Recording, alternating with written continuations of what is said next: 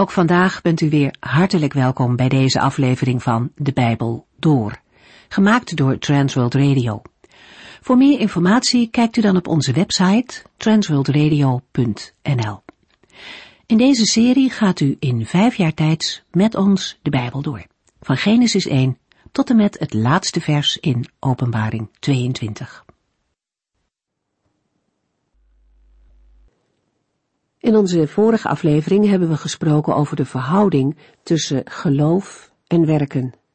Een thema uit Jacobus 2. De apostel maakt heel duidelijk dat het geen twee zaken zijn om tegen elkaar uit te spelen. Ze horen bij elkaar. Iemand kan niet echt gelovig zijn zonder dat het zichtbaar wordt. Aan de andere kant, datgene wat we doen, laat ook het geloof zien. Zoals bij Abraham en Rahab. Rahab richtte zich tot de God van Israël toen het volk vlak bij Jericho gekomen was. Iedereen in Jericho had gehoord van de machtige wonderen van die God. En iedereen was bang. Maar Rahab geloofde in de levende God. En toen de mannen van God bij haar op de stoep stonden, bood zij hen onderdak en hielp hen vluchten. En zo werd zichtbaar dat zij geloofde in God. Rahab was een dappere vrouw, zij was anders dan de mensen in haar omgeving. Zij vertrouwde meer op God dan op mensen. Wat ze deed was bijzonder, maar het was tegelijkertijd ook iets wat gewoon op haar weg kwam. Ze zocht het niet op, maar op het moment dat er wat te doen viel, deed ze het. Jacobus geeft meer van die simpele voorbeelden waarin we ons geloof zichtbaar kunnen maken. Als we een broeder of zuster ontmoeten die niet genoeg eten of kleding heeft, dan kunnen we wel zeggen, pas goed op jezelf hoor, trek warme kleren aan en zorg dat je genoeg eet. Maar daar heeft zo iemand niets aan. Het klinkt bijna humoristisch, zoals de apostel het zegt, hoewel het in wezen natuurlijk heel triest is. Zo'n geloof dat niet wil helpen, stelt niks voor. We zijn geschapen om goede werken te doen, die God van tevoren al bereid heeft. Zo zegt Paulus het in Efeze. De Heere leidde de verspieders naar het huis van Ragab, en toen was het haar beurt om te kiezen wat ze zou doen. En ze deed een goed werk. En zo komen er op ieders weg mogelijkheden om goede dingen te doen. We lezen verder in Jacobus 3.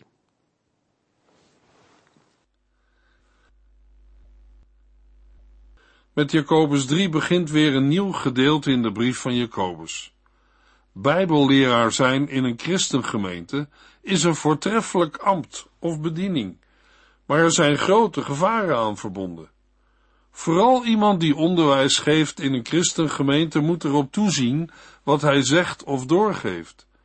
Maar de aanwijzingen van Jacobus gelden voor alle gelovigen. Een bijbelleraar in de gemeente van Christus moet bedacht zijn op de zonde van de tong. Met andere woorden, hij moet zijn tong in bedwang weten te houden.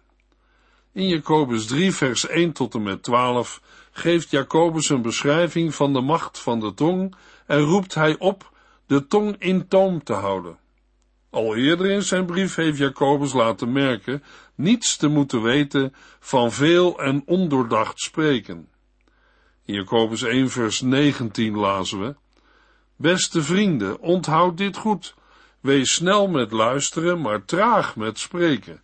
En word niet snel kwaad, want kwaadheid veroorzaakt alleen maar dingen die tegen Gods wil ingaan.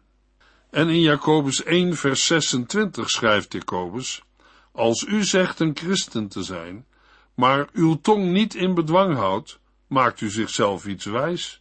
Uw godsdienst heeft niets te betekenen. In 1 Corinthians 14 wordt ons iets verteld hoe het er in de begintijd aan toe ging in de christengemeenten. Paulus schrijft in 1 Corinthians 14 vers 26 Als u bijeenkomt, neemt ieder deel aan de dienst. De een zingt een lied, de ander onderwijst. De een geeft door wat God hem duidelijk heeft gemaakt, de ander spreekt in klanktalen en weer een ander legt uit wat hij zegt. Maar het moet wel opbouwend zijn. En in vers 29 tot en met 33 van hetzelfde hoofdstuk lezen we, er mogen ook niet meer dan twee of drie personen namens God spreken. Bovendien moeten anderen beoordelen of hun woorden door God zijn ingegeven of niet. Maar als er iemand zit aan wie God ineens iets duidelijk maakt, moet degene die juist aan het woord was, stoppen met spreken. Als het zo gaat, komen allen die woorden van God kunnen doorgeven aan de beurt. Daardoor zullen alle aanwezigen iets leren en bemoedigd worden. Wie woorden van God doorgeven, kunnen daar best even mee wachten tot een geschikt moment. God wil geen wanorde, maar vrede en harmonie in alle gemeenten. De gelezen woorden maken duidelijk dat ieder die zich daartoe geroepen voelde in de samenkomsten van de gemeente een inbreng mocht hebben. Maar daarbij lag het gevaar van misbruik op de loer. Zo waren er in de dagen van Jacobus blijkbaar allerlei mensen die zich uit verkeerde motieven opwierpen als leraar. Het is tegen deze aantasting van het ambt of de bediening van leraar dat Jacobus waarschuwt. Jacobus 3 vers 1 Broeders en zusters, denk niet dat u allemaal leraren bent, want een leraar wordt strenger beoordeeld, omdat zijn verantwoording groter is. Uit een aantal Bijbelteksten uit het Nieuwe Testament weten wij dat een leraar in de gemeente van Christus hoog stond aangeschreven.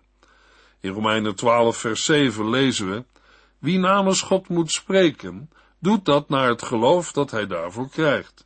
Wie moet helpen, krijgt daar de kracht voor. Wie moet onderwijzen, krijgt de gave om te onderwijzen.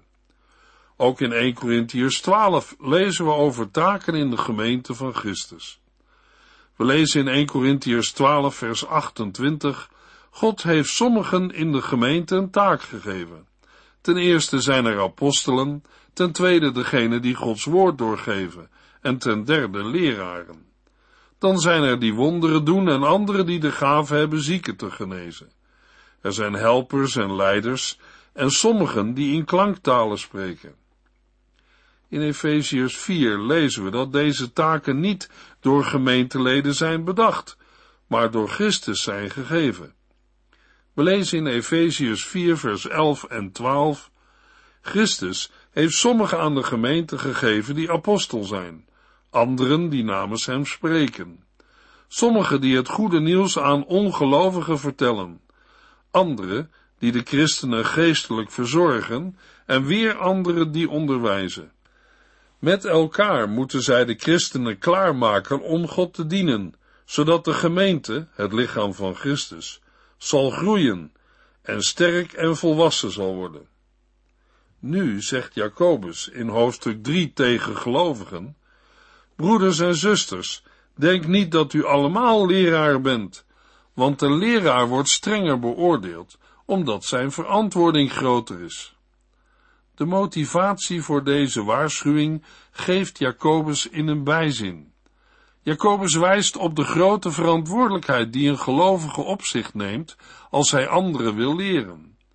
Voor een leraar zal de beoordeling van de Heere strenger zijn, omdat zijn verantwoording groter is.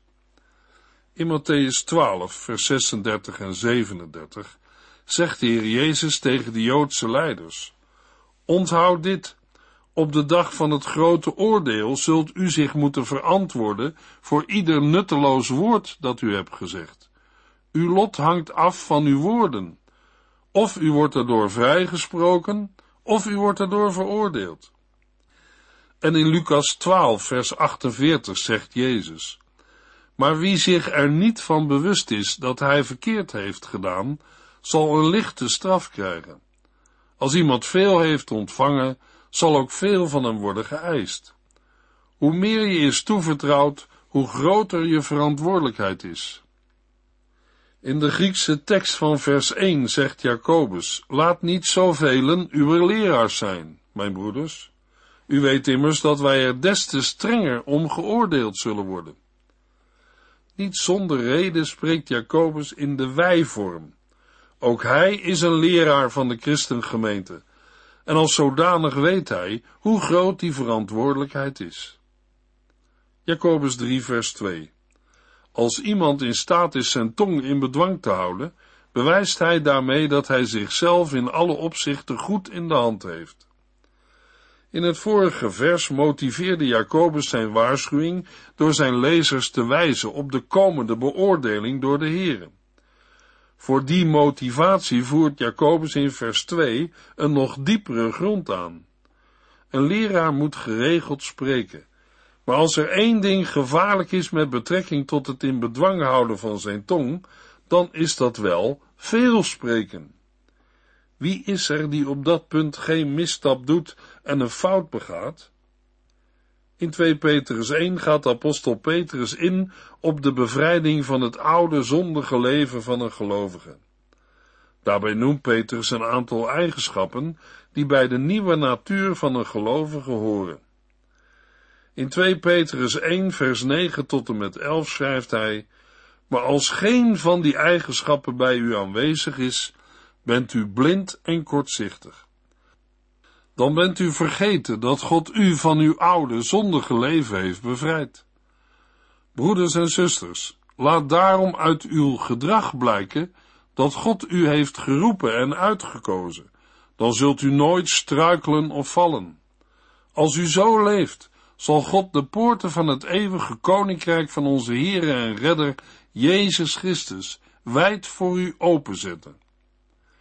Jacobus schrijft, als iemand in staat is zijn tong in bedwang te houden, bewijst hij daarmee dat hij zichzelf in alle opzichten goed in de hand heeft. In een andere vertaling lezen we, want wij alle struikelen in vele dingen. Als iemand in woorden niet struikelt, is hij een volmaakt man, in staat om ook heel het lichaam in toom te houden. Opnieuw gebruikt Jacobus de wijvorm. Wij struikelen allemaal, maar op geen enkel punt begaan wij zoveel fouten als op het gebied van het spreken, de tong. Wie in dat opzicht in staat is om geen misstappen te maken, dat wil zeggen wie zijn tong in bedwang weet te houden, die moet wel volmaakt zijn. Volmaakt betekent in de context van hoofdstuk 3 volgroeid of volwassen. Jacobus zin speelt met deze woorden op een uitspraak van Salomo in Spreuken 10 vers 19, waar we lezen, Iemand die zijn tong niet in bedwang heeft, zondigt met zijn woorden. Iemand die nadenkt voor hij spreekt, is bedachtzaam en verstandig. Zo iemand is zelfs in staat zichzelf in alle opzichten goed in de hand te houden. Dat wil zeggen, het lichaam met zijn slechte verlangens en begeerten. Jacobus 3 vers 3 Een paard gehoorzaamt door het bit dat het in de mond heeft. Wij houden het paard daarmee in bedwang en kunnen het laten gaan waar wij willen. Om zijn uitspraak uit vers 2 te illustreren, maakt Jacobus in vers 3 en 4 een tweetal vergelijkingen. De beelden die hij daarbij gebruikt, ontleent hij aan het dagelijks leven uit die tijd.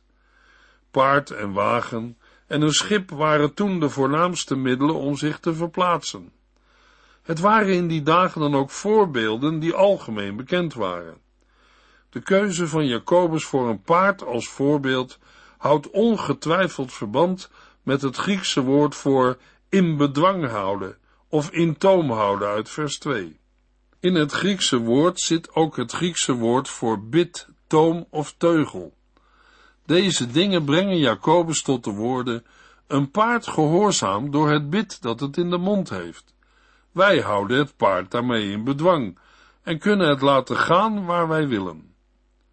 Met behulp van dat kleine bit kunnen wij als ruiter of menner niet alleen de mond, maar ook het hele lichaam van een paard in bedwang houden. In Psalm 32, vers 8 en 9 zegt de Heere, Ik, de Heere, laat u zien welke weg u moet gaan. Ik geef u raad en houd mijn oog op u gericht. Gedraag u dus niet als een paard of een muildier, dat met bit en teugels in bedwang moet worden gehouden. Dat wil ik niet. Met bit en teugels kan een paard worden gedwongen te gehoorzamen. Het punt van vergelijking is, wie het kleine beheerst, zoals de volmaakte man uit vers 2 zijn spreken, die beheerst daardoor ook het grote. In de Griekse tekst begint vers 3 met het woordje ziet. Daarmee wil Jacobus aangeven dat het om iets heel wezenlijks gaat. Jacobus bedoelt te zeggen dat als een gelovige zijn tong goed in bedwang kan houden, hij een goede controle heeft over wat hij zegt. Luisteraar, dat wat wij zeggen en doorgeven, geven aan wie u, jij en ik zijn en waar wij vandaan komen. Onze woorden, dat wat we zeggen, of juist niet zeggen, geven aan hoe we zijn gevormd, beschaafd of minder beschaafd, zuiver of onzuiver, gelovig of ongelovig, een getuige van God of een godslasteraar, schuldig of onschuldig.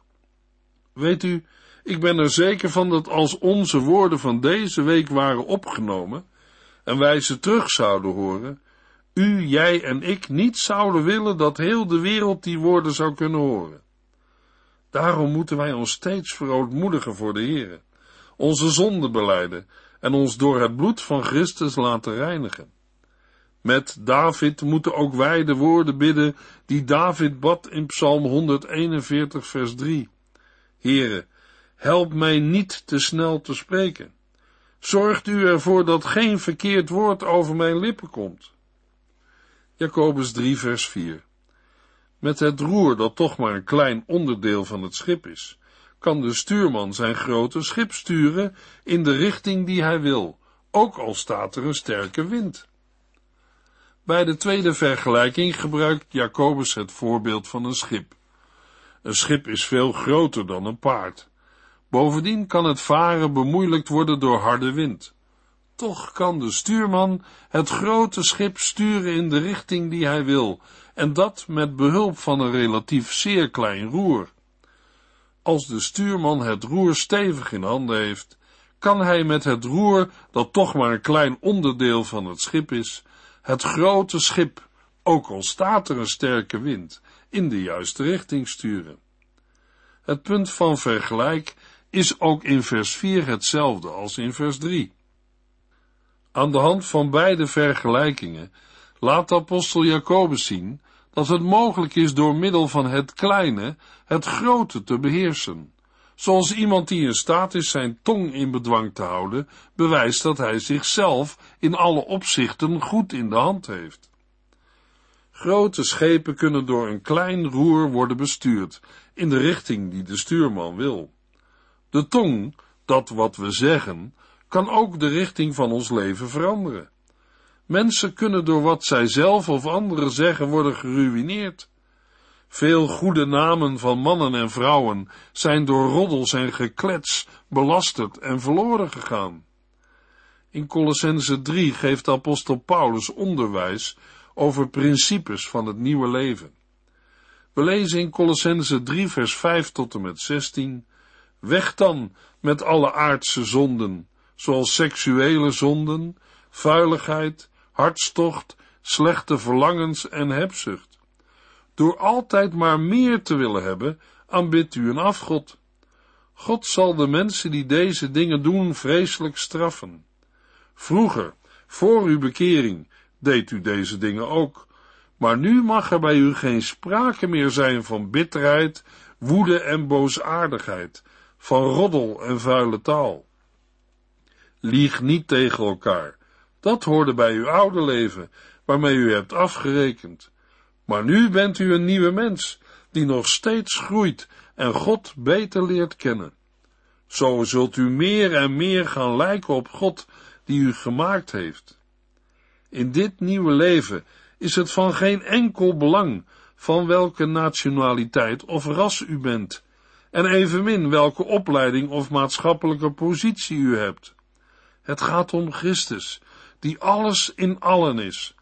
God heeft u uitgekozen en houdt van u. Kleed u daarom met innerlijk medeleven, goedheid, nederigheid, zachtaardigheid en geduld. Verdraag en vergeef elkaar als iemand iets tegen u heeft. Volg hierin het voorbeeld van Christus, die u zonder meer vergeven heeft. Waar het op aankomt, is dat u zich laat leiden door de liefde, want dan zal de gemeente in volmaakte harmonie bijeen blijven. Laat de vrede van God uw harten beheersen.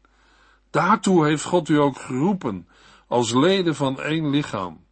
Wees daarom dankbaar. Laat uw hart vol zijn van Christus woord. Zijn woorden zullen uw leven verrijken en uw wijsheid geven. Leer ze aan elkaar, wijs elkaar ermee terecht en zing erover in psalmen, lofgezangen en geestelijke liederen. Zing zo met een dankbaar hart voor de Heere. Luisteraar, hebben wij onze tong in bedwang? Jacobus zegt dat de tong gevaarlijker is dan een op hol geslagen paard of een onbestuurbaar schip in een storm op zee.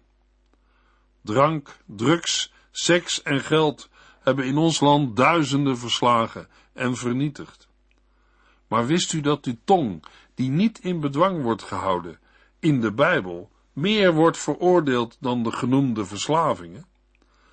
Drank, drugs, seks en geld kunnen mensen omlaag halen, maar de tong kan nog meer doen.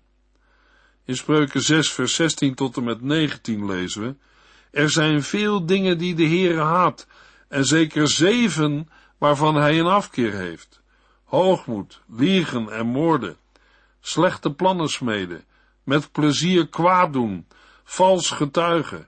En verdeeldheid zaaien onder broeders. Veel van deze zonden hebben met gesproken woorden te maken, met een niet in bedwang houden van de tong.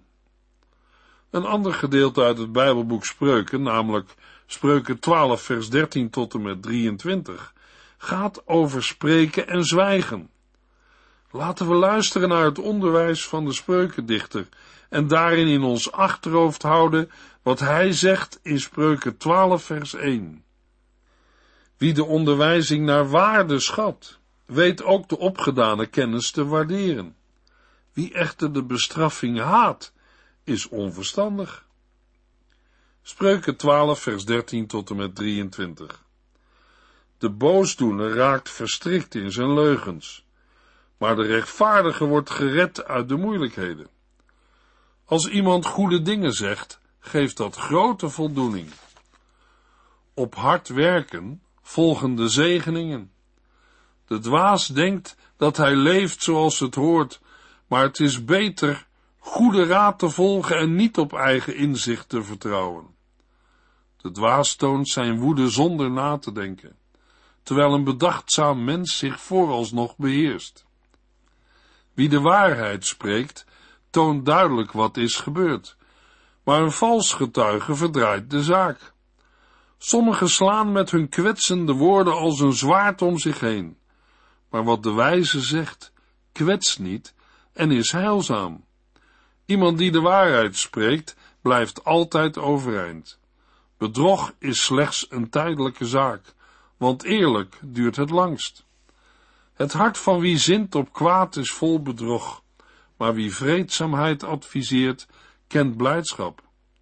Rechtvaardige mensen gaan niet ten onder aan de tegenslagen, maar goddelozen wachten heilloos einde. De Heere verafschuwt leugens, maar wie waarachtig leeft, vindt genade in Gods ogen. Een bedachtzaam en verstandig mens laat zich niet voorstaan op zijn kennis, maar onverstandigen slaan dwaasheid uit. De gelezen versen handelen vooral over spreken en zwijgen. Veel teksten hangen structureel met elkaar samen. Al deze versen hebben met de tong te maken. De leugenachtige tong en de lippen vol waarheid. Ze worden in spreuken 12 tegenover elkaar gesteld. Vanzelfsprekend is het de Heere zelf die alles wat gebeurt in de gaten houdt. Hij beloont het goede en bestraft het kwade. Zijn rol komt expliciet aan de orde in spreuken 12 vers 22, waarin wordt verklaard dat leugens voor de Heere een gruwel zijn. Maar mensen die betrouwbaar handelen en waarachtig leven, vinden genade in zijn ogen. Op vele manieren maakt de Bijbel de woorden van Jacobus 3 vers 2 duidelijk. Als iemand in staat is zijn tong in bedwang te houden, bewijst hij daarmee dat hij zichzelf in alle opzichten goed in de hand heeft. Jacobus 3 vers 5 Net als het bit van een paard en het roer van een schip, is ook de tong een klein ding. Maar het kan zich erop beroemen dat het grote dingen heeft gedaan. Eén vonkje is genoeg om een heel bos in brand te zetten. Zoals dat geldt voor het bit en het roer, zo gaat dat ook op voor de tong. Het is een klein ding. Daarmee is het voor iemand mogelijk zelfs zijn hele natuur te beheersen. Tot zover is de gedachtegang van Jacobus in dit vers een conclusie uit de beide voorgaande vergelijkingen. Maar dan verschuift ineens het beeld van de macht van de tong naar het kwaad van de tong. Jacobus begint in vers 5 over de kwalijke werking die van de tong kan uitgaan. Dit houdt verband met vers 2. In zijn betoog knoopt Jacobus nu aan bij de dagelijkse ervaring. Deze leert dat, al is de tong dan een klein ding, zij vaak een hoge toon voert. Dat heeft duidelijk een negatieve klank. Dat de tong, hoewel ze klein is, veel ten kwade kan doen, stelt Jacobus aanschouwelijk voor door middel van nog weer een ander voorbeeld, namelijk dat van vuur. Al een klein vonkje kan een groot bos in brand steken. Voor het leggen van dit verband kan Jacobus zich met name beroepen op het Bijbelboek Spreuken uit het Oude Testament. Ook dit beeld van de tong is negatief geladen. Op die manier wil Jacobus de aandacht vestigen op het onheil dat de tong kan brengen. Maar daarover meer in de volgende uitzending. U heeft geluisterd naar De Bijbel Door, in het Nederlands vertaald en bewerkt door Transworld Radio. Een programma waarin we in vijf jaar tijd de hele Bijbel doorgaan. Als u wilt reageren op deze uitzending of u heeft vragen, dan kunt u contact met ons opnemen. Tijdens kantooruren kunt u bellen op 0342 478432. 0342 478432. Ook kunt u een e-mail sturen naar de Bijbel door at transworldradio.nl en natuurlijk kunt u ook via de post ons bereiken. TWR, postbus 371, postcode 3770, AJ in Barneveld. Dit programma werd gepresenteerd door Cor Weda en Ike André. Techniek was in handen van Odin van Voerkom. En wij allemaal bedanken u voor het luisteren. Graag tot de volgende keer.